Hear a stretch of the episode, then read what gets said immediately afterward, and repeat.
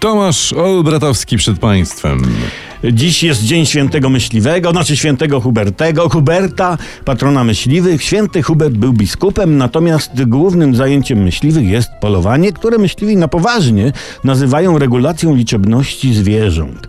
Święto Huberta, święto myśliwych, jest obchodzone bardzo hucznie w lasach, aż huczy od świętowania, przez co zdarza się, że myśliwy strzela do kolegi myśliwego, jak niedawno, tłumacząc później, że ten zachowywał się jak dzik.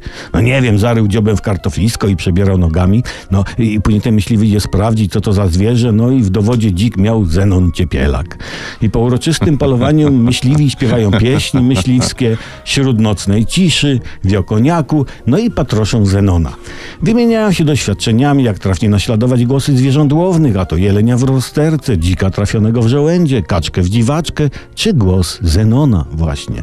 Ciekawe jest, słuchajcie, jedno i słuchajcie uważnie, bo młody Hubert, zanim został świętym, to nieustannie polował. I legenda głosi, że gdy polował w Wielki Piątek, ukazał mu się biały jeleń. A więc Hubert nie tylko tego dnia polował. I na pamiątkę tego nie tylko, tego nie tylko, myśliwi lubią sobie strzelić parę lów.